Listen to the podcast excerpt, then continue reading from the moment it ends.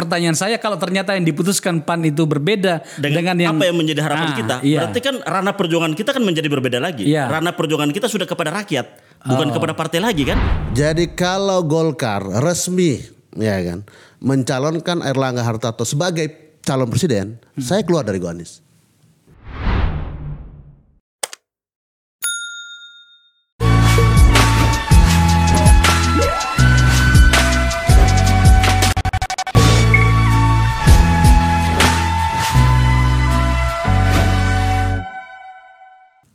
Saya kedatangan dua kader partai berbeda dan juga dengan penyikapan yang berbeda, setidaknya yang terbaca sampai hari ini, penyikapan DPP-nya yang saya maksud. Jadi dua sahabat saya ini dua kader partai yang kritis sekaligus tampaknya agak nakal dikit gitu ya. yang pertama adalah Sirajuddin Abdul Wahab, kader Partai Golkar.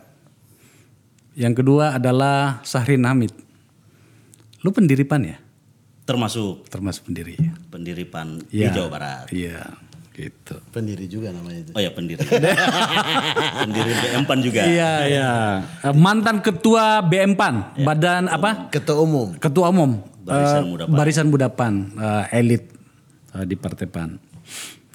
Jadi saya undang dua kawan saya ini karena partainya belum bersikap siapa presiden yang mereka dukung, tapi mereka sudah bersikap mendukung Anies Baswedan. Ya, cakep kan? Kan kita tahulah bahwa Partai Golkar dan Partai PAN itu berada di dalam koalisi yang kita kenal dengan nama KIB. Koalisi Indonesia Bersatu. Bersatu. Di situ ada Golkar, PAN, P3. dan P3. Sebenarnya saya juga undang Pak Habil Marati ke sini, kadar P3 yang juga sudah mendeklarasikan dukungan kepada Anies. Nah hari ini saya ajak mereka berbicara apa yang terjadi sebenarnya. gitu kan. saya ke Sahrin Hamid dulu. Waduh, duh, duh, siap. Ini ngeri kali ini. Apa yang apa yang terjadi? Kenapa kemudian Anda mengambil penyikapan yang berbeda dengan pengurus DPP-nya Anda? Oke. Gini, yang pertama saya ingin menyampaikan bahwa sebenarnya apa yang kita sikapi saat ini itu seiring dengan apa yang menjadi ketetapan partai. Keputusan Partai Amanat Nasional melalui rapat kerja nasional telah memutuskan sembilan nama. Yang kita tahu bahwa ada klaster pimpinan partai, Oke. ada klaster gubernur, Ya. ada juga yang dari apa kabinet. Dan di antara sembilan, salah satunya adalah Anies Baswedan.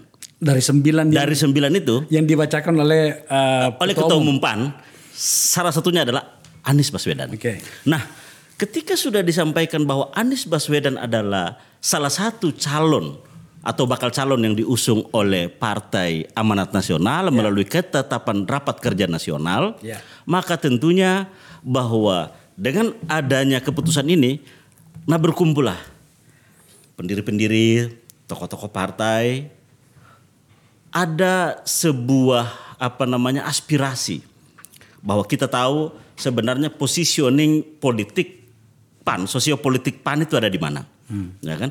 Kita tahu bahwa survei-survei eh, seberapa banyak PAN yang eh, sebenarnya ke Anies. Tapi tidakkah itu membuat Anda mempersulit penyikapan ketua umum Anda atau partai Anda di dalam perjalanan atau langkah-langkah politik berikutnya? Oke, baik.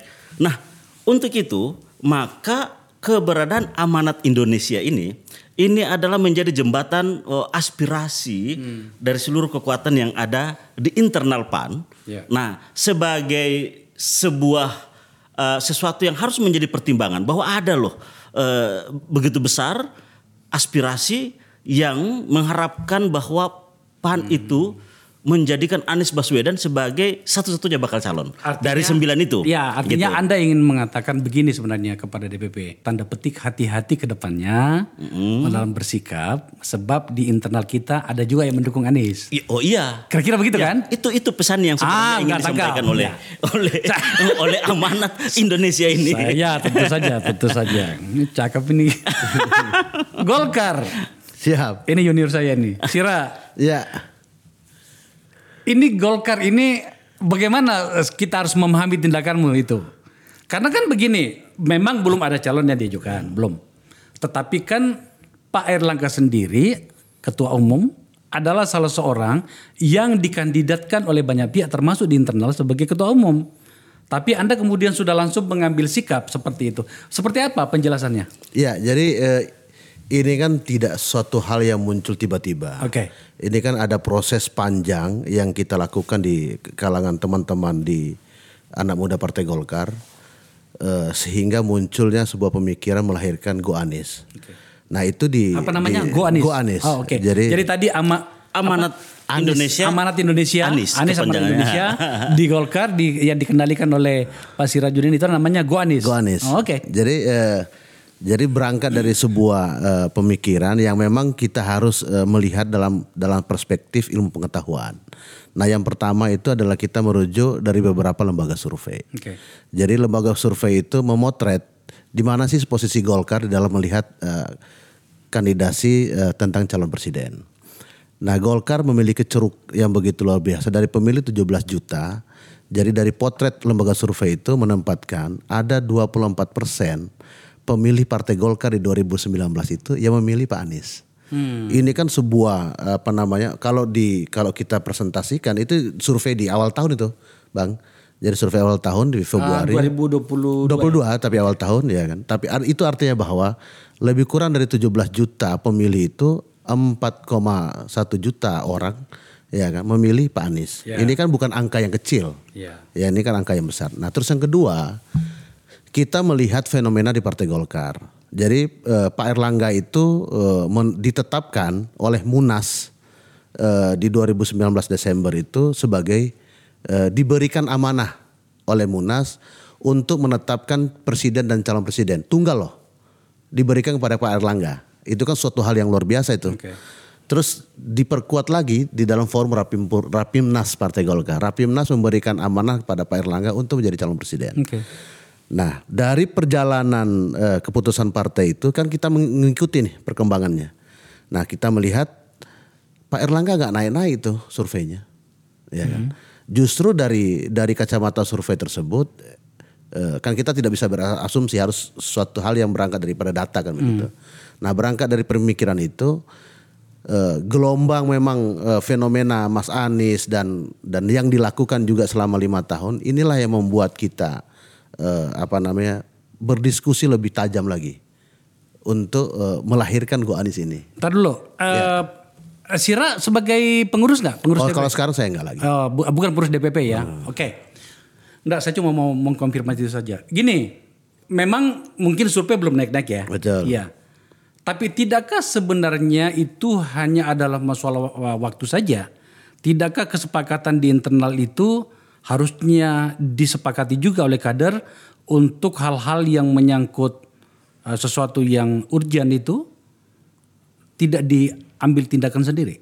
Oh enggak gini. Eh, yang wajib menjalankan keputusan partai itu pengurus partai. Oh, kalau Ya, kader ya. biasa tidak. Ya, kader tidak. ya.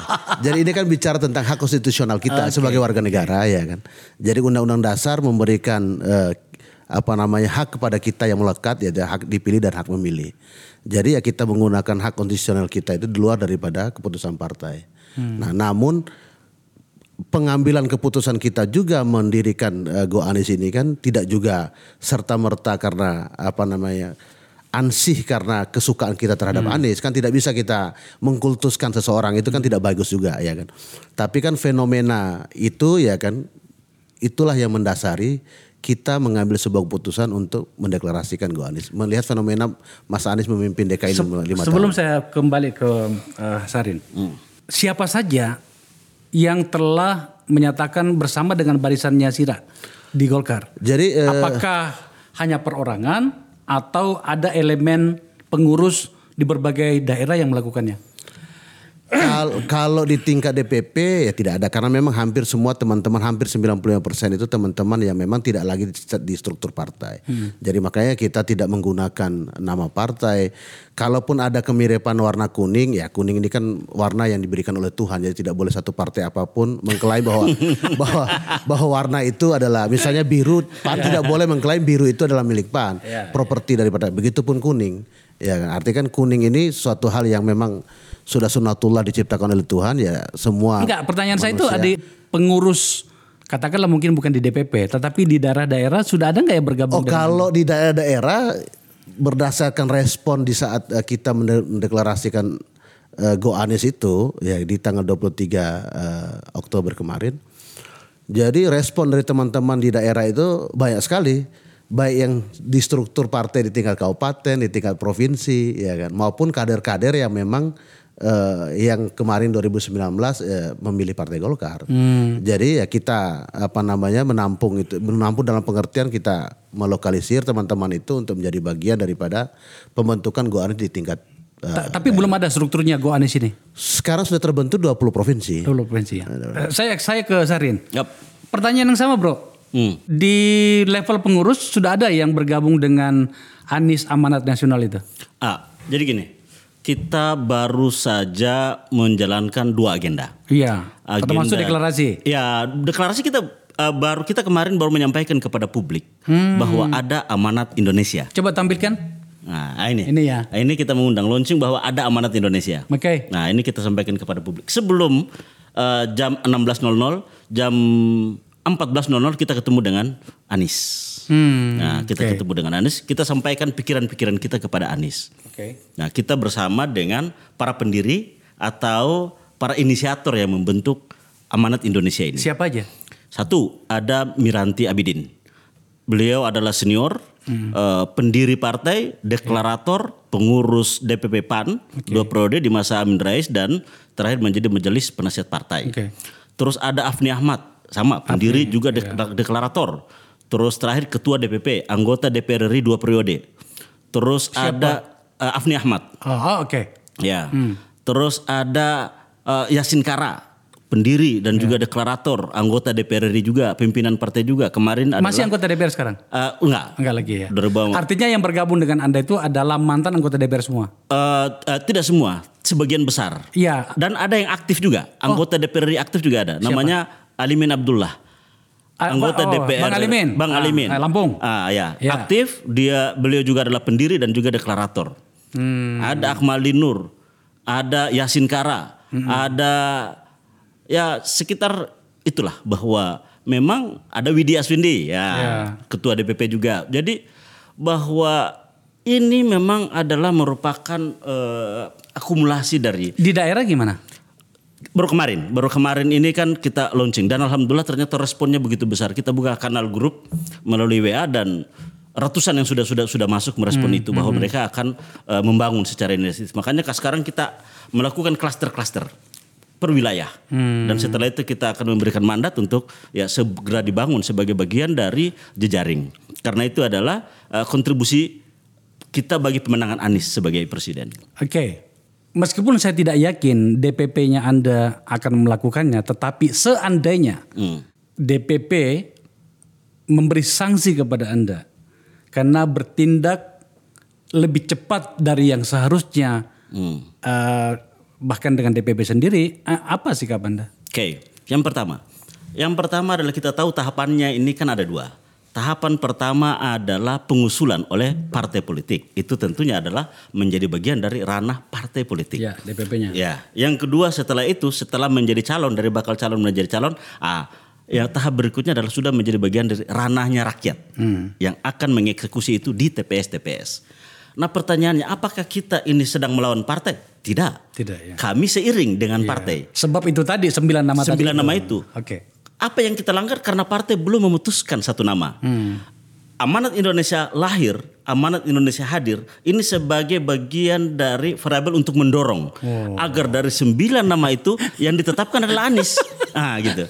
Oke, Ini oke. adalah bagian yang kita maksudkan sebagai dinamika politik partai. Oh. Bahwa partai ini partai terbuka, gagasan, pendapat, ide ini hidup.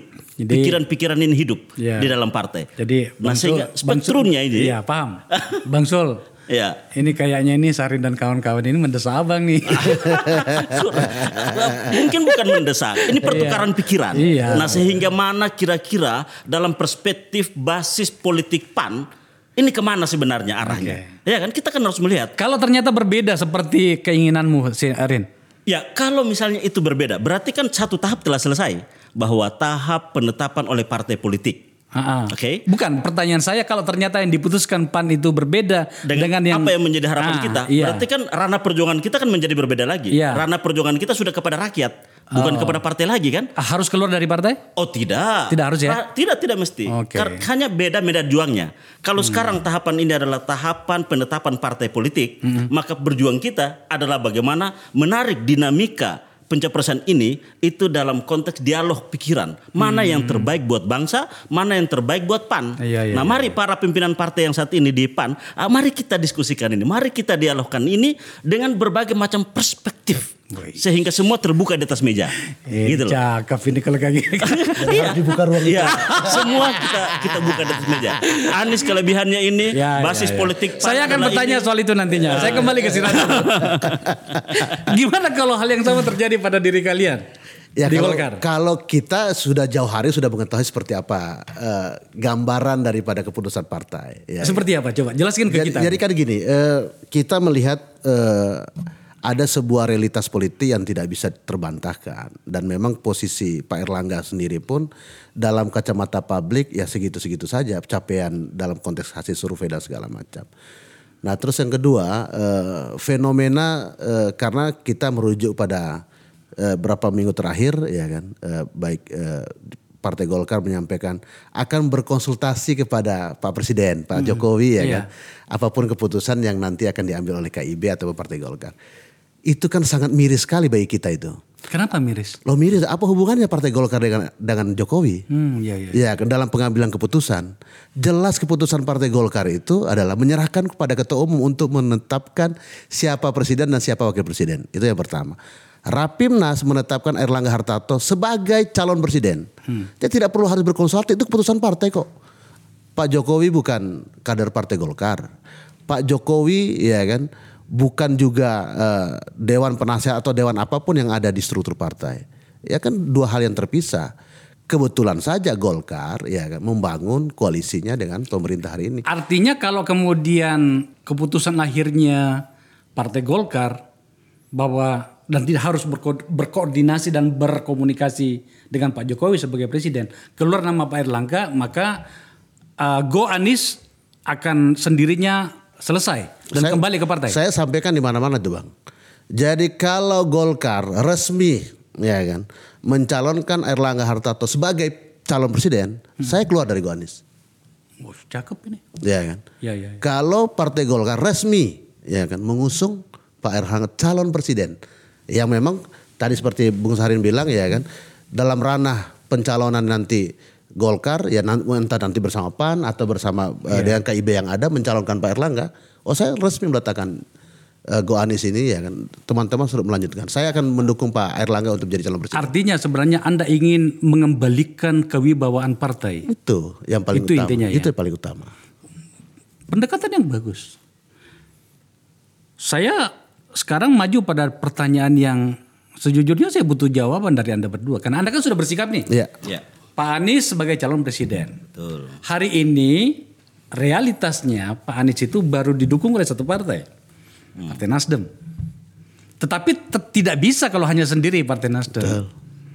Lah gimana kemudian kalau ternyata beliau tidak jadi maju karena tidak cukup kekuatan politik untuk mengusung beliau. Nasdem gagal meyakinkan yang hari ini kita baca PKS dengan uh, Demokrat gitu.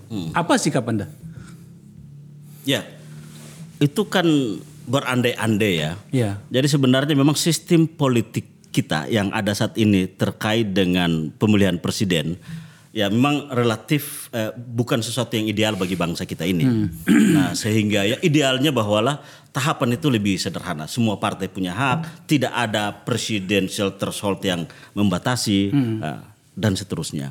Nah, saya kira bahwa apa yang sedang berlangsung terkait dengan eh, persyaratan, nah tentunya bahwa ini adalah menjadi bagian dari tahapan tersendiri. Ya.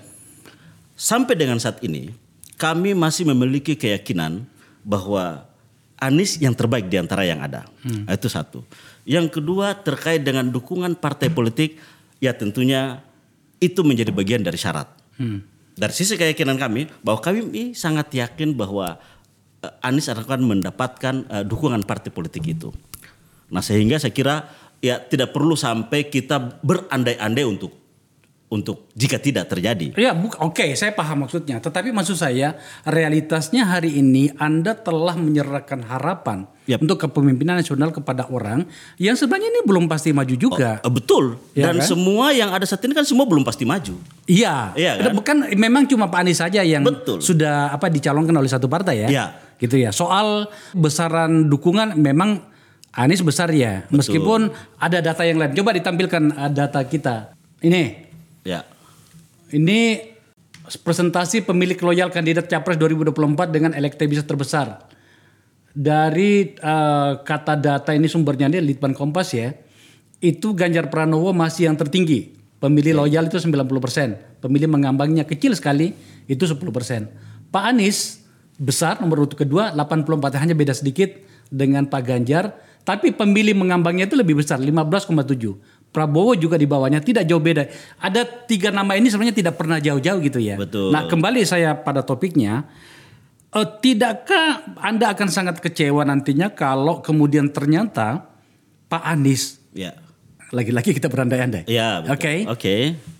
Kan kalau kalau sudah pasti kan eh, saya tidak perlu bertanya lagi gitu Iya, ya. betul. Tapi kalau ternyata tidak jadi maju, Ya. eh, harapan itu kan akan mengecewakan Anda. Oh, gini, ini ini ini perjuangan. Oh, oke. Eh, Ini ini perjuangan. Kita meletakkan bahwa kita punya cita-cita politik, Oke. ya kan?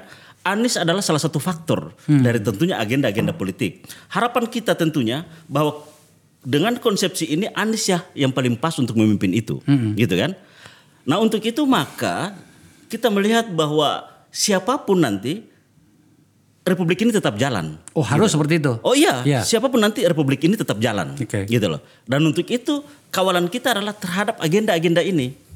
Jadi tidak lantas bahwa satu orang, dua orang dan semua tergantung pada orang sehingga semua harus runtuh. Hmm. Cita-cita politik ini saya kira enggak. Nah untuk itu bahwa harapan ini ya kita konteskan dengan sosok Anies, Anies lah yang paling pas.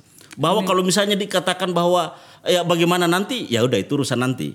Bahwa dari sisi kita, sisi kita adalah bagaimana memperjuangkan agar Anies menjadi bagian dari yang mengikuti kontestasi pilpres nanti. Saya rasa uh, pikiran yang sangat bagus bahwa jangan kita menyerahkan negeri ini masa depan negeri ini hanya kepada satu orang. Yes. Ini harus terus Indonesia harus terus berada. Gitu. Harus terus ada. Seribu sampai seribu tahun ke depan. Betul.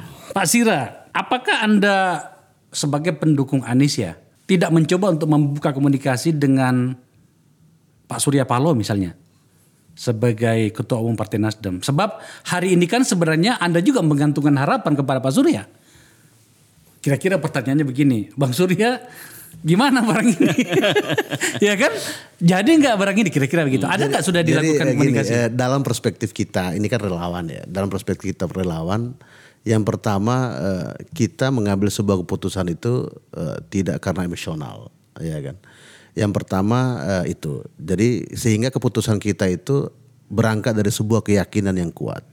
Jadi persoalan hari ini yang memang 2-3 minggu terakhir dengan adanya pembatalan deklarasi misalnya tanggal 10 November di Surabaya dan segala itu menciptakan kegelisahan ya, di di kalangan bawah dan segala macam. Dan teman-teman Go Anies di 20 provinsi itu pun eh, menanyakan kepada kita eh, kita pun harus menyampaikan ini untuk bagian daripada kita harus kuat atas keyakinan kita bahwa yang dilakukan oleh Nasdem yang dilakukan oleh Mas Anies untuk membangun komunikasi eh, politik terhadap eh, Demokrat dan PKS ini bahwa ini tidak akan ada kebuntuan pasti insya Allah eh, tiga partai ini akan mengusung Mas Anies. Dan itu kan terjawab kemarin di eh, apa namanya tiga partai tim kecil itu ya kan ketemu di Saharjo ya makan siang bareng dan segala macam. Itu menunjukkan bahwa pesan secara tidak langsung menjawab kegundahan itu bahwa partai ini solid untuk mendukung itu. Oke. Artinya bahwa kita relawan harus berangkat dari sebuah keyakinan itu. Terus yang kedua, eh, yang paling penting eh, bagi kita adalah eh, bagaimana mensinergikan antara tiga partai pendukung ini dengan relawan. Karena saya kira eh, kalau dilihat presentasi daripada tiga partai ini kan kalau berdasarkan pendekatan hasil pemilu kan hanya sekitar 20 lebih persen. Iya. Ya kan dari eh, artinya kan curug ini masih besar nih. Nah di sinilah peran relawan untuk memberikan energi ya kan yang kuat karena relawan itu kan berangkat dari dua hal. Yang pertama adalah eh, keikhlasannya, kerelawanannya ya kan dan dia bergerak ya kan tanpa eh, ada kepentingan eh, untuk mencapai sebuah apa, kekuasaan dan segala macam. Nah atas dasar komitmen itulah kita meminta kepada tiga partai politik ini harus mengelola relawan ini dengan baik. Nah sehingga jangan sampai dianggap bahwa bukan berarti bahwa kita ini tidak memiliki eh, merasa harus punya induk tidak ya kan. Dengan kita berkomunikasi dengan eh, Bung Sahrin sebagai eh, yang mendeklarasikan amanat Indonesia, terus kita juga sudah komunikasi dengan Bung eh, Bang Habil Marati eh, pendeklarasi P3 dan mungkin dalam waktu dekat kita akan ketemu nih intensif untuk melakukan itu. Dan ini harus kita rawat eh, komunikasi itu. Nah, berangkat dari keyakinan itulah bahwa tidak ada sedikit pun eh, walaupun tadi eh, Bang Akbar Faisal menyampaikan berandai-andai, kita tidak masuk dalam wilayah andai-andai itu, Bang. Karena kita berangkat dari keyakinan bahwa tiga partai ini akan mengusung eh, Mas Anies Pasti untuk gitu ya. kontestasi di 2024. Iya. Nah, dan ini yang yang paling penting nih, eh, Bang Akbar. Yang disuguhkan di ruang publik ini kan hanya tiga calon. Iya ya. Iya kan. Kalau mungkin 20 orang misalnya ada nama Bang Akbar Faisal, mungkin pikiran kita pun bisa berubah gitu. Tidak hanya Anies pilih- pilihan kita. Iya, iya. Iya kan.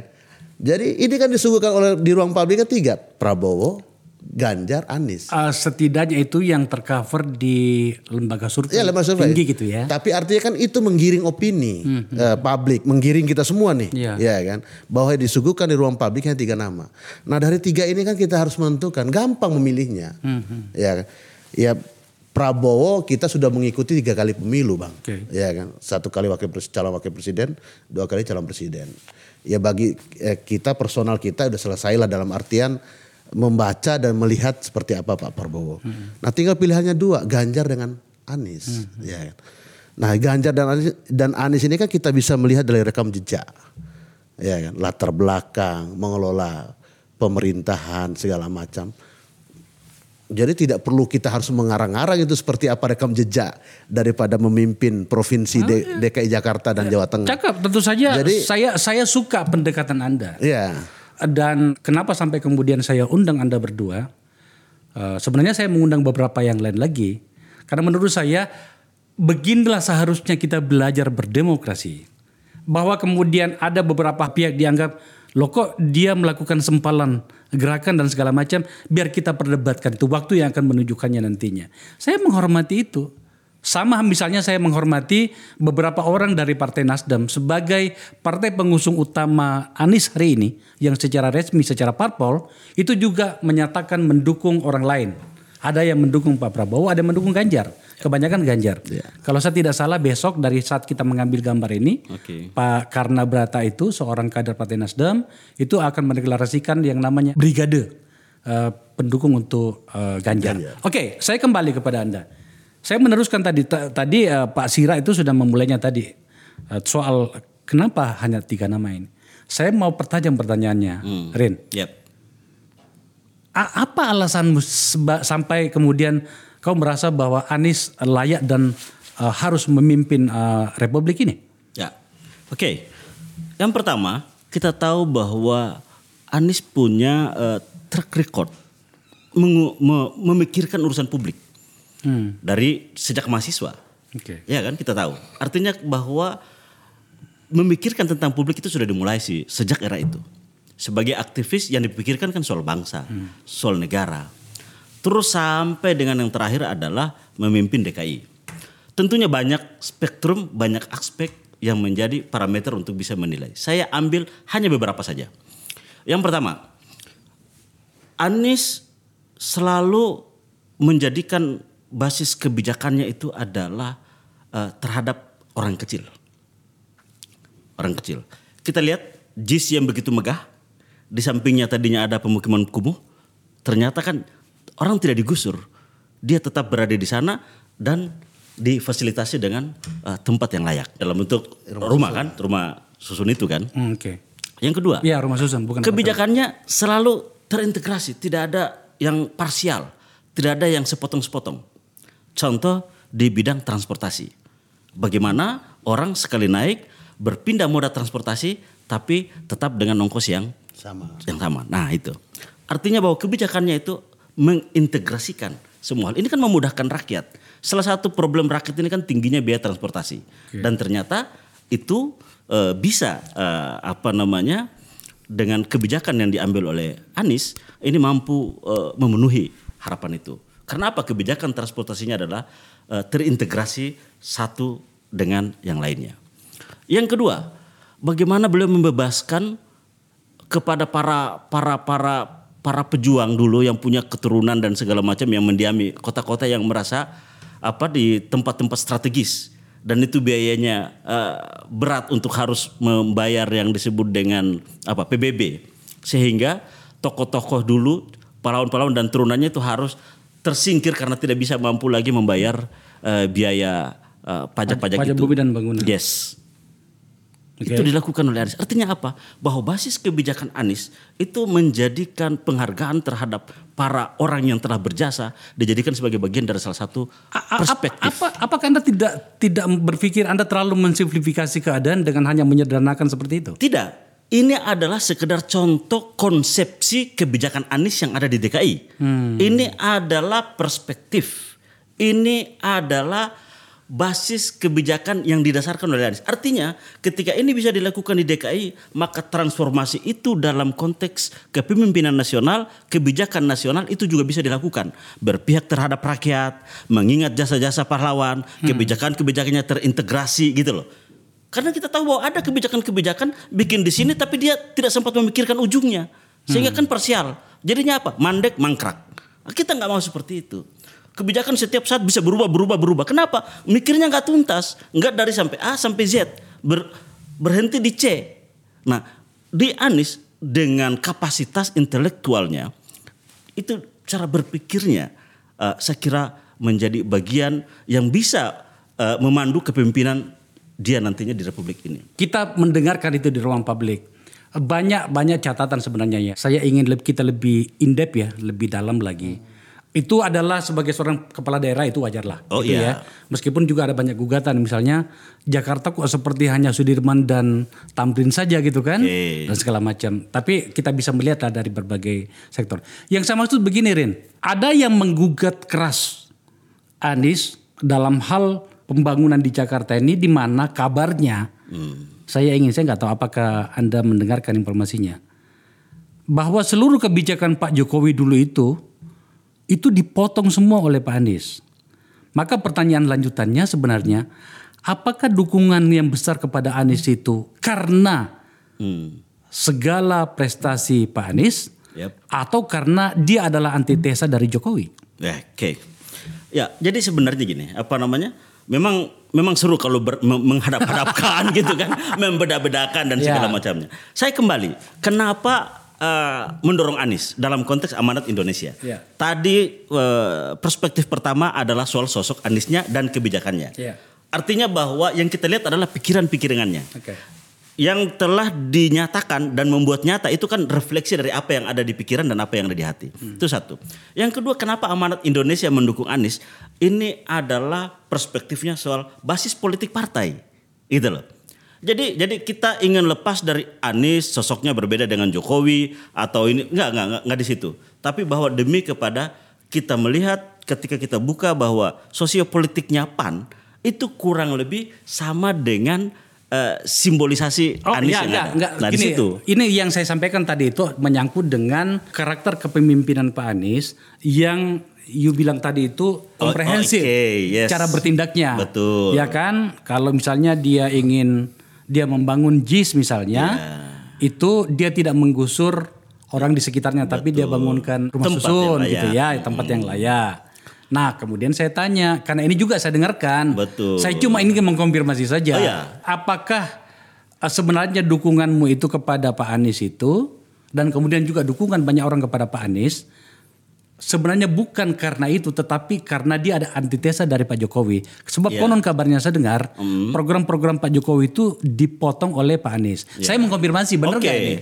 Ya tidak benar. Tidak benar. Tidak benar dalam kaitan bahwa mendukung Anies karena aspek yang tadi terkait dengan eh, Jokowi. Nah, Hmm. kita ingin melihat bahwa udah Jokowi telah menjalankan pemerintahan, Iya. kita hargai itu, capaian-capaiannya kita hargai, gitu kan? Hmm. Dan legasinya tentunya banyak dan tentunya ke depan kita memerlukan perspektif baru dan kita harapkan adalah Anies bisa menjalankan itu harapan-harapan baru itu. Jadi tidak lantas mesti kita pertentangkan Anies dengan Jokowi, nanti Jokowi dengan SBY, SBY. Enggak, kita sudahi bahwa apa yang telah dilakukan oleh pemimpin-pemimpin kita, kita hormati, kita hargai, kita letakkan itu sebagai legasi yang yang mereka jalankan. Nah berikutnya Anies tentunya membangun hal-hal yang baru tanpa perlu mendekonstruksi apa yang sudah ada tentunya. Harapan-harapan baru inilah Hmm. Iya, kita ingin dorong ke sana sehingga kita sudahi semua hal-hal yang berbau. Cakep ya. nah, saya, Begitu kira-kira. Iya, iya, iya, iya. Jadi jangan juga diadu-adu Bang Akbar. enggak saya mengkonfirmasi. Namanya juga sebagai host kan, gitu kan. Sira, eh, Anda berada di sebuah partai di mana pengalaman memainkan diri dalam ruang publik pada politik elit itu sangat matang. Ya. Saya terganggu tadi dengan apa yang Sira sampaikan bahwa apa urusannya Pak Jokowi di sini?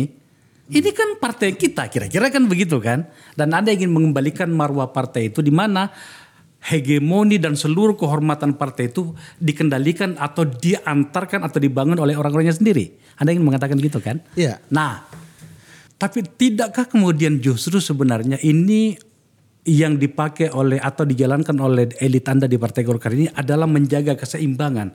Politik itu butuh keseimbangan, Bro. Dan kemudian dia memberikan tanda petik respect dan ruang kepada Pak Jokowi untuk didengarkan. Ya, saya katakan tadi tanda petik untuk didengarkan itu adalah bagian dari strategi politik agar kemudian target-target terpenuhi dengan cara yang smooth. Apa yang ingin Anda katakan? Jadi gini, keseimbangan dan kemandirian itu dua hal yang berbeda, Bang. Oke. Keseimbangan itu dalam konteks eh, Partai Golkar ya kan sebagai partai koalisi ya kan yang mengusung Pak Jokowi di periode kedua ya kan sampai tuntasnya priorisasi Pak Jokowi 2024. Oke. Itulah keseimbangan. Tapi dalam konteks kemandirian itu hal yang berbeda. Kemandirian itu adalah partai ini kan diatur berdasarkan ada konstitusinya. Ada anggaran dasar, ada rumah tangga, ada keputusan-keputusan yang lain yang memberikan penguatan bahwa Partai Golkar itu memiliki kemandirian dalam mengambil keputusan apa pun dari keputusan politiknya, terutama dalam konteks memilih presiden dan calon presiden. Jadi jangan dibawa, ya kan? Ini kan kesan yang dibangun di, di ruang publik ini.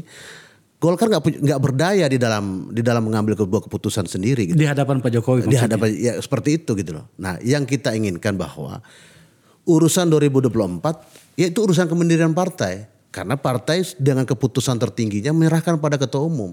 Diperkuat lagi dengan Rapimnas Partai Golkar menetapkan ketua umum sebagai calon presiden. Nah nilai ini yang harus dibawa kan begitu. Ya kan. Nah, tinggal diyakinkan PAN, tinggal diyakinkan P3 misalnya seperti itu atau partai-partai lain pun diyakinkan, ya kan. Gabung ke sini calon presidennya Erlangga, nanti kita bicarakan wakilnya. Gini, That's gini bro, gitu loh. Ya. tidakkah kemudian karena skenario dan strategi yang smooth tadi itu yang saya bilang, yang membuat Golkar itu selalu berada pada lingkaran utama politik nasional, tidakkah itu sebenarnya membantu eh, partai? Ya gini, eh, elektabilitas komunikasi dan ruang-ruang diskusi apa namanya eh, lobby dan segala macam itu kan tidak ditutup oleh Partai Golkar. Yang kita ingin sampaikan itu adalah Golkar harus menjunjung tinggi apa yang menjadi keputusan partai. Jadi bukan mengkonsultasikan kepada orang. Kalau orang berkonsultasi, artinya kan pertimbangannya diminta. Lo ngapain lagi diminta? Lo partai sudah memutuskan kok di tingkat tertinggi forum eh, forum eh, permusyawaratan tertinggi Partai Golkar Munas menetapkan ketua umum, Rapi mempertegas kembali, selesai. Gitu. Itu yang diperjuangkan oleh semua instrumen partai itu untuk mengangkat ketua umumnya jadi calon presiden. Itu yang pertama. Nah tadi saya menambahkan disampaikan oleh Bung Saharin. Ini bukan persoalan membedakan eh, tidak dijalankan ataupun dipotong oleh Pak Anies mengenai apa yang dilakukan Pak Anies. Kita lihat selama lima tahun Ma- Mas Anies eh, ditinggalkan oleh Pak Jokowi lebih kurang dua tahun, dilanjutkan oleh Ahok. Saya rasa tidak ada di ruang publik Mas Anies mengatakan bahwa tidak melanjutkan apa yang dilakukan oleh Mungkin Oleh tidak, di- tidak dikatakan tapi dilakukan. tapi hampir semua yang tidak dilakukan oleh Pak Jokowi dilakukan oleh Pak Anies. Hmm, oke. Iya kan? Oke. Artinya bahwa kontinuitas yang diletakkan oleh Pak Jokowi dilanjutkan sama Pak Anies. Iya kan? Jadi misalnya Pak Pak Jokowi kan banyak sekali berjanji bangun ini, bangun ini, bangun ini ya kan. Loh iya dong. Oke. Semua dijalankan oleh Pak Anies. Artinya kontinuitas juga dilakukan. Perubahan juga dilakukan. Artinya kan sesuai dengan semangatnya Pak Anies, continuity dan change itu kan diwujudkan. Catatan bagus, tapi saya kita belum selesai tadi pada bagian yang yang utama. Saya memberikan catatan betul dari apa yang dikatakan Sira tadi itu. Mengembalikan hegemoni dan marwah partai adalah satu hal. Oke? Anda sudah menjelaskan dengan bagus tadi. Saya terima. Tetapi kemudian ada satu hal tampaknya yang Anda tidak perhatikan barangkali atau memang sengaja mengabaikannya. Kalau mau disiplin dengan itu, maka pilihlah orang yang menghormati bagaimana partai atau seseorang yang ingin mengambil jabatan-jabatan publik. Itu disiplin dengan bagaimana yang namanya berkarakter secara politik bertumbuh dimulai dari berpartai dan segala macam. Kenapa Anda mencalonkan orang yang tidak pernah berpartai? Lawang sudah ada di internal Anda. Anda kalau memang ternyata Anda dongkol kepada Pak Erlangga Hartarto, kenapa Anda tidak mengambil apa namanya inisiatif seperti yang sudah dimandatkan kepada Anda? Jadi gini. Ke- Kenapa Anda tidak men- mendukung, mendorong secara keras itu saja? Kenapa mengambil orang dari luar yang bukan partai Anda? Gini, eh, ini kan berangkat daripada sebuah eh, apa namanya gambaran. Pak Erlangga itu terpilih ini kan eh, me- melanjutkan eh, sisa terakhir eh, Pak Pak Novanto. Terus 2019 ditegaskan lagi eh, hasil munas yang secara aklamasi memilih lagi Pak Erlangga dan segala macam. Nah, partai itu ya kan jadi dia tidak boleh berpikir di dalam dirinya sendiri. Oh, bagus, ya, setuju. kan? ya kan? Tapi partai itu sumber utama aspirasi pikiran keputusan itu dia harus berangkat daripada pemilihnya. Kan sudah terbukti nih Golkar pemilihnya ya kan 17 juta di 2019 pertanyaannya apakah partai Golkar bertanya kepada pemilihnya 17 juta itu di dalam Bahwa? menga- meng- bahwa mengambil keputusan oh nanti di pemilu 2024 ya kan kita menetapkan Pak Erlangga nih ya kan tapi dia menyerap juga nggak aspirasi dari 17 juta itu jadi tidak boleh partai itu hanya ditentukan oleh segelintir orang pengurus nah toh nanti juga mereka turun ke rakyat untuk mengajak rakyat pilihlah Golkar kan nggak bisa begitu bang Enggak, enggak, enggak. enggak. Jadi- gini, gini, maksud saya agak menjadi rumit ini apa Iya, iya. penjelasannya Sira ini. Kalau mau bertanya kepada 17 orang itu kan sudah ada mekanisme kepengurusan. ya Mereka bertanya siapa dan itu sudah diberikan kepada Pak Erlangga. Oke. Dan itu menurut saya pilihan yang logik karena Oke. kenapa?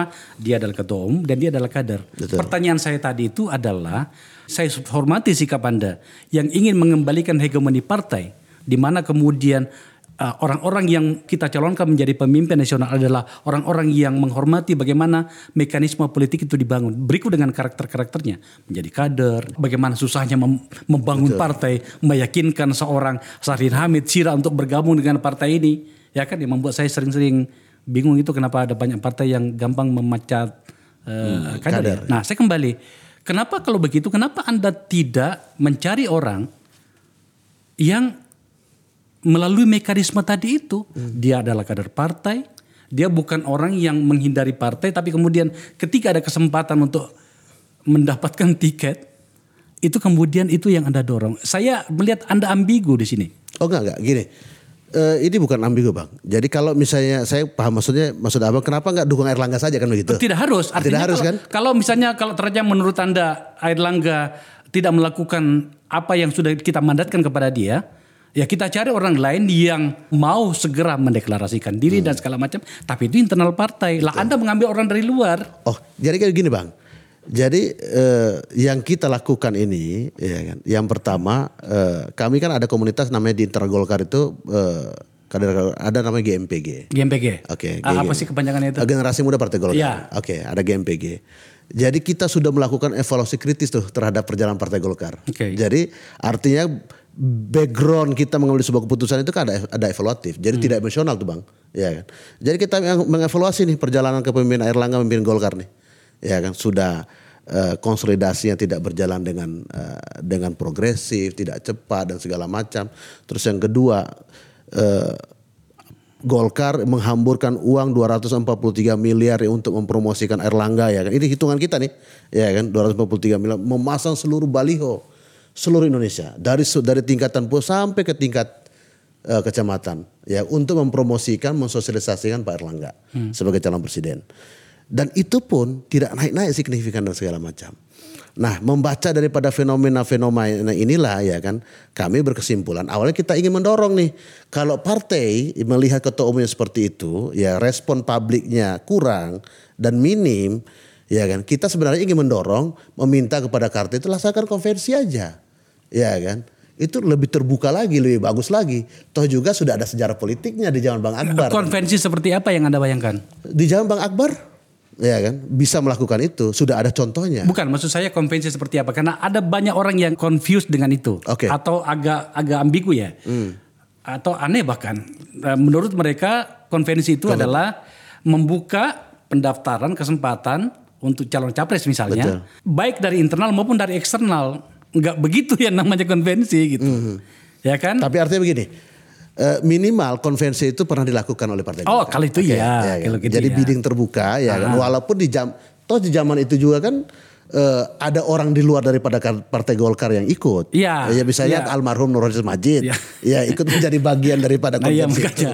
Ini diskusi ini kan Iya, untuk iya. me- mencatatkan dan meluruskan sejarah. Menurut sejarah ya kan. Ah. Artinya kan itu pernah dilakukan. Iya. Ya kan. Nah kalaupun misalnya Golkar punya melihat realistis terhadap eh, fenomena ketua umumnya yang begitu eh, susah untuk didongkrak dengan segala macam cara dan dan hal yang dilakukan oleh oleh Partai Golkar, ya dia harus realistis dong, ya kan begitu. Ya kan? Artinya bahwa yang paling penting bagi Golkar adalah jangan sampai Golkar dipakai oleh orang lain, gitu loh. Tapi kok Anda malah men- menawarkan Golkar dipakai oleh orang lain sekarang? Loh, justru in- inilah kita menangkap aspirasi itu gitu loh. Kita menangkap aspirasi bahwa dengan fenomena ketua umumnya ya kan tidak memiliki daya eh, apa namanya terima eh, oleh publik dan segala macam, ya kan Partai Golkar harus membuka diri dong. Iya iya paham itu kalau itu sampai di situ setuju saya. Oke. Tapi kemudian Anda melawan sendiri apa yang Anda katakan mengatakan jangan sampai Golkar dipakai oleh orang lain. Kenyataannya Anda mengusulkan orang yang bukan orang Golkar, tidak pernah berproses di Betul. Golkar. Anda menawarkan itu kepada Pak Anies. Nah justru itu artinya kita ingin menawarkan pada Golkar rubah sistemnya Ah, gitu lah. iya, iya, Jadi iya, iya. rubah sistem ininya ya kan, rubah sistem rekrutmen eh, pencapresannya dan segala macam, diru- dibuka Ah. ruang ya kan, bahwa ada aspirasi ya kan di ta- di tengah-tengah eh, pendukung Partai Golkar, kader Partai Golkar, anggota Partai Golkar di bawah ini yang begini loh pandangannya gitu loh. Hmm. Iya, iya, iya, iya. Jadi cer- cerukannya kan besar itu. Di- Iya, ditangkap. iya. Pokoknya tadi itu Pak Sira adalah eh, kita pengen dong marwah partai didorong gitu kan. Nah, jadi sebenarnya itu dukungan kepada Anies ini itu adalah skenario antara sampai kemudian terpenuhinya keinginan dari Pak Sira dan teman-teman. Oke. Saya ke Sahrin. Pertanyaan yang sama, Bro. Oke. Kita ini aku kan kenal kamu, Bro. Oh iya, You lama, lama, lama, Kenalnya Kan, lama. Ada kita berproses dari bawah gitu Yes. ya menjadi partai apa, apa kader yang tidak direken menjadi elit itu kan ya kan Eh, menurut saya seharusnya seorang Sahrin Hamid yang sudah senior itu melihat bagaimana partai ini harus kita berikan penguatan Oke. tapi kemudian nah, sama dengan pertanyaan kepada Sira Baik. tadi you malah mengusung orang yang notabene bukan bagian dari diri Anda Oke. DNA politik Anda, Oke. ge- gen politik Anda itu sama sekali tidak ada di situ. Seharusnya kan Anda mendukung kalau bukan Pak Zulkifli Hasan. Ketua Umum PAN, Iya, Pak Bang Sulhas. Di situ ada misalnya Vipa barangkali atau kembali kepada Bang Hatta dan segala macam. Karena itu adalah darapan di situ. Oke. Eh, Kenapa begitu, Bro? Ya, yang pertama. Yang pertama, yang kita mesti salahkan ini bukan partai politiknya. Oh, bukan ya. Yang harus kita salahkan justru sistem politik yang dibangun dalam konteks rekrutmen kepemimpinan nasional. Oh, Oke. Satu, kita ini eh, memilih presiden sekaligus memilih partai politik di waktu yang bersamaan. Nah ini sudah sesuatu yang yang yang menurut saya eh, sudah salah. Tuh. Bagaimana tidak syarat untuk mencalonkan presiden adalah suara partai politik sementara partai politik dan pemilihan presiden dilakukan secara bersamaan. Satu. Yang kedua, presidential threshold. Bagaimana bisa partai bisa tumbuh kepemimpinan yang berproses melalui partai politik bisa lahir kalau misalnya itu dibatasi dengan 20% syarat. Bayangkan. Harusnya berapa? Harusnya nol. Nol ya. Nol sehingga begini tahapannya. Yang pertama adalah partai politik berkampanye gitu kan. Berkampanye untuk merebut suara rakyat beserta calon presidennya. Contoh kami PAN. PAN akan berkampanye pilih Partai Amanat Nasional, pilih Zulkifli Hasan sebagai calon presiden. Oke. Ini kita bawa kepada rakyat. Satu paket gitu ya? Satu paket. Oke. Sehingga rakyat bisa melihat bahwa ketika saya memilih PAN, berarti saya memilih Zulkifli Hasan sebagai calon presiden kita. Oke. Tahap kedua, ketika partai kita ini lolos dan presidensial threshold itu 0%, maka secara otomatis kita punya kursi ini juga menjadi tiket untuk mendorong ketua umum kita menjadi calon presiden. Nah, seperti itu. Hmm. Artinya- ini baru fair. Ah, ah, kalau kalau misalnya ah, mas rakyat ti- tidak menginginkan calon presidennya, berarti kan Dia- tidak dia kan- menginginkan partainya juga. Yes. Tidak lolos ke Yes, parlemen. tidak lolos. Ah, Oke. Jadi partai yang berhasil itu adalah ketika partai satu dia sukses melakukan rekrutmen politik sebagaimana fungsi dan tugas partai. Dua dia mampu atau berfungsi melakukan sirkulasi kepemimpinan di internal partai sehingga partai menjadi role model kepemimpinan di bidang politik. Yang ketiga adalah partai sukses menjadi bagian dari jembatan artikulasi eh, kepentingan politik rakyat. Sehingga rakyat ini melihat, oh betul ini partai bagus dalam melakukan rekrutmen politik. Orang-orang benar, orang-orang punya kapasitas, orang punya kapasitas intelektual ditempatkan sebagai bagian dari konsentrasi untuk dipilih sebagai wakil rakyat.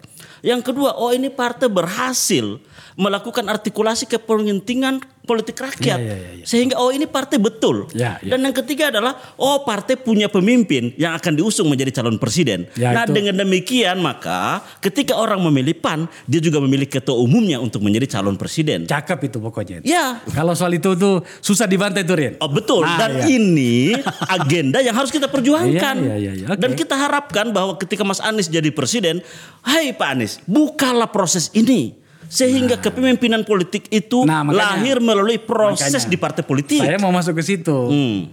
Waktu kemarin kan katanya sebelum apa itu kemarin? Bukan deklarasi ya, apa namanya? Uh, launching. Uh, pada saat launching itu Amanat kan Nasional. beberapa jam Amanat sebelumnya- Indonesia. beberapa jam sebelumnya kan ketemu sama Mas Anies. Oh iya, kita Oke. ketemu Mas Anies. Apakah poin ini yang sudah anda sampaikan kepada Mas Anies? Ah, gini. Kami hanya menyampaikan dua hal kepada Mas Anies. Hmm. Yang pertama adalah kita datang bersama rombongan itu, kami sampaikan, Mas Anies, eh, ini adalah tokoh-tokoh PAN yang ada pendiri dan eh, pengurus dan semuanya. Kami ingin menitipkan dua apa tiga hal yang kita lihat. Dua apa sebagai- tiga nih? Dua, dua, dua agenda yang kita sampaikan. Oke. Ini satu hal pertama. Oke. Hal pertama adalah kita ingin menyampaikan tiga amanat. Apa itu? Amanat yang pertama. Coba tampilkan. Ini ya. Nah itu. Ah, Nah itu di poin ketiga kalau kita lihat. ya. Ya, kami telah bertemu Anies Baswedan dan telah menyampaikan pikiran-pikiran tentang amanat Indonesia. Pokoknya demi Pancasila, Indonesia yang lebih baik. Pancasila yang pertama, ya, betul. Ah, kemudian amanat cita-cita Amanat nilai-nilai Pancasila. Ah. cita-cita kemerdekaan, melindungi segenap tumpah darah Indonesia, gitu kan? Agenda reformasi yang harus dituntaskan. Yes. Ini kalau kita bahas ini panjang ini. Oh pasti. Iya, saya bisa mendebat Anda banyak ini kan. Oke. Nah, sekarang saya tanya, tadi bagian yang penting itu tadi, itu cakep loh Rin. Oh, yang iya. lu ngomong tadi soal itu. Iya betul. Tapi enggak disampaikan. Artinya bahwa tiga amanat ini, ini kan menjadi bagian dari tiga amanat itu. Heeh. Kan saya amanat nilai-nilai Pancasila. Oke. Kita tahu bahwa eh, sila keempat terkait dengan demokrasi, kerakyatan gitu kan. Nah ini kan menjadi bagian dari grand norm yang harus menjadi rujukan dalam proses eh, demokrasi perwakilan kita. Oke, oke, oke. Nah makanya kemarin waktunya memang cukup terbatas. Tapi kami titipkan itu. Amanat soal nilai-nilai Pancasila. Amanat soal bagaimana cita-cita kemerdekaan ini dijaga dong oleh kepemimpinan. Nama nama calon menteri belum dititipin. Oh enggak, Oh, kita tidak bertransaksi itu, kita ingin transaksi pikiran. Ah, iya, Dan iya. pikiran itu kita buka. Enaknya gitu kalau pendukung Anies ini enak di debat. itu bedanya bang. Iya kan. Oke. Ruang perdebatan selalu kita buka. Ya, oke. Jadi marilah kita hidupkan Paham, paham, ini paham. gitu loh. Oke, waktu kita terbatas gitu kan. Saya ke Sira dulu. Iya. Ini gerakan kalian ini nggak murah bro. Ya. Pengen tahu bohirnya siapa nih? Oh bohirnya masih ke diri kita masing-masing. Justru kalau Bang Akbar mau menjadi bagian daripada apa namanya sel- selaku pendonasi Iya, ke- iya, iya, iya, kepada iya. kita semua boleh juga. Ah, oke. Mau tanya, jadi eh, belum ada bohirnya ya? Oh nggak ada nggak ada. Karena begini loh bro, saya pernah loh mengelola Iya, ini. iya, iya, iya. Oke. Ya anda tahu Iya. kan gitu ya? Betul, betul. Itu mahal loh. Betul. Itu Dan- makanya saya Dan tanya. ini bukan hanya pertanyaan Bang Akbar nih, Ah. ditanyakan juga oleh teman-teman di daerah, ya kan begitu, tentang Mana- lo- logistik mana- dan segala mana macam, barangnya? ya kan. ya, saya bilang hari ini sampai hari ini ya kita bergerak ini masih dalam eh, apa namanya taraf saweran di antara kita semua ini saya Hmm. bilang. Jadi ini kan bicara tentang presiden bukan RT kata bukan RW ini pemilihan Hmm, ya, iya. pemilihan presiden, ya kan. Sampai hari ini masih kita masih relawan dan seterusnya tetap akan relawan. Tapi biasanya nggak begitu bro. Tetap ada harus ada pemodalnya. Itu kan nggak gampang loh. Bikin jaket itu minimal murah loh. minimal di awal Ah. minimal di awal realitasnya masih seperti itu minimal di awal Jangan berandai-andai oh pokoknya. iya jangan, jangan.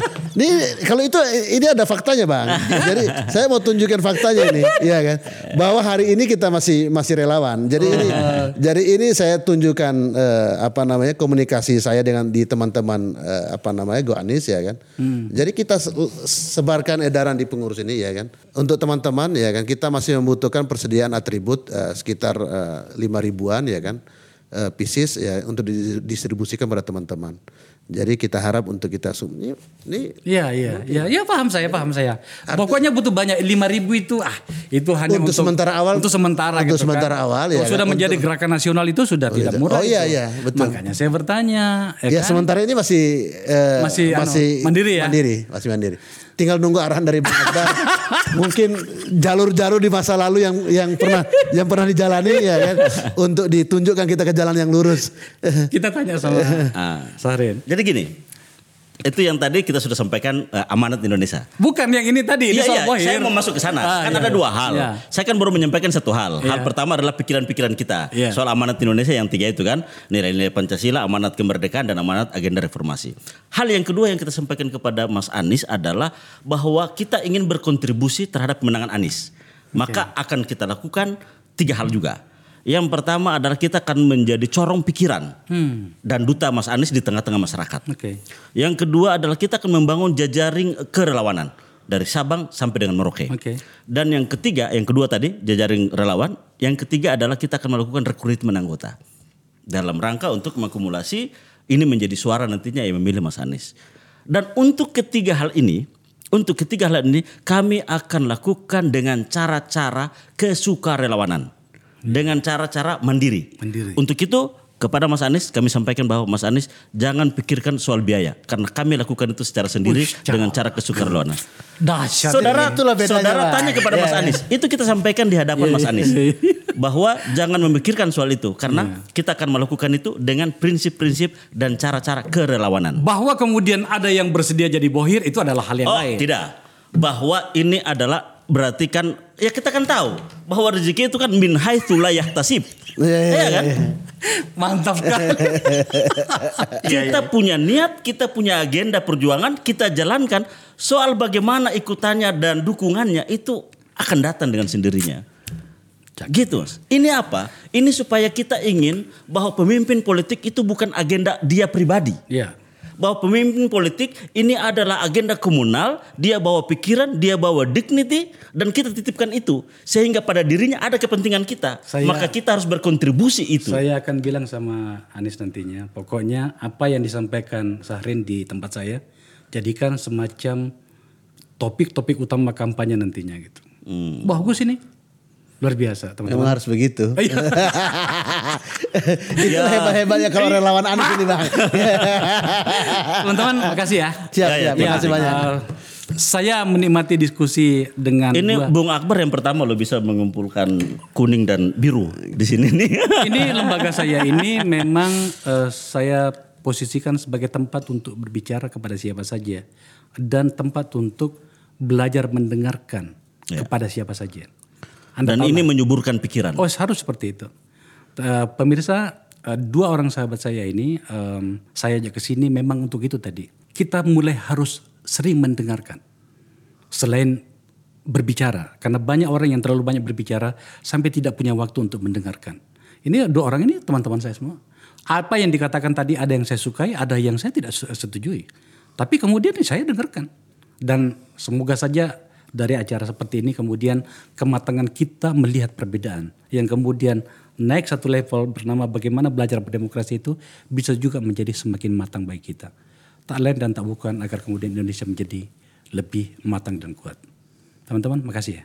Siap, terima kasih. Sama-sama. Assalamualaikum warahmatullahi wabarakatuh. Terima kasih. Baik.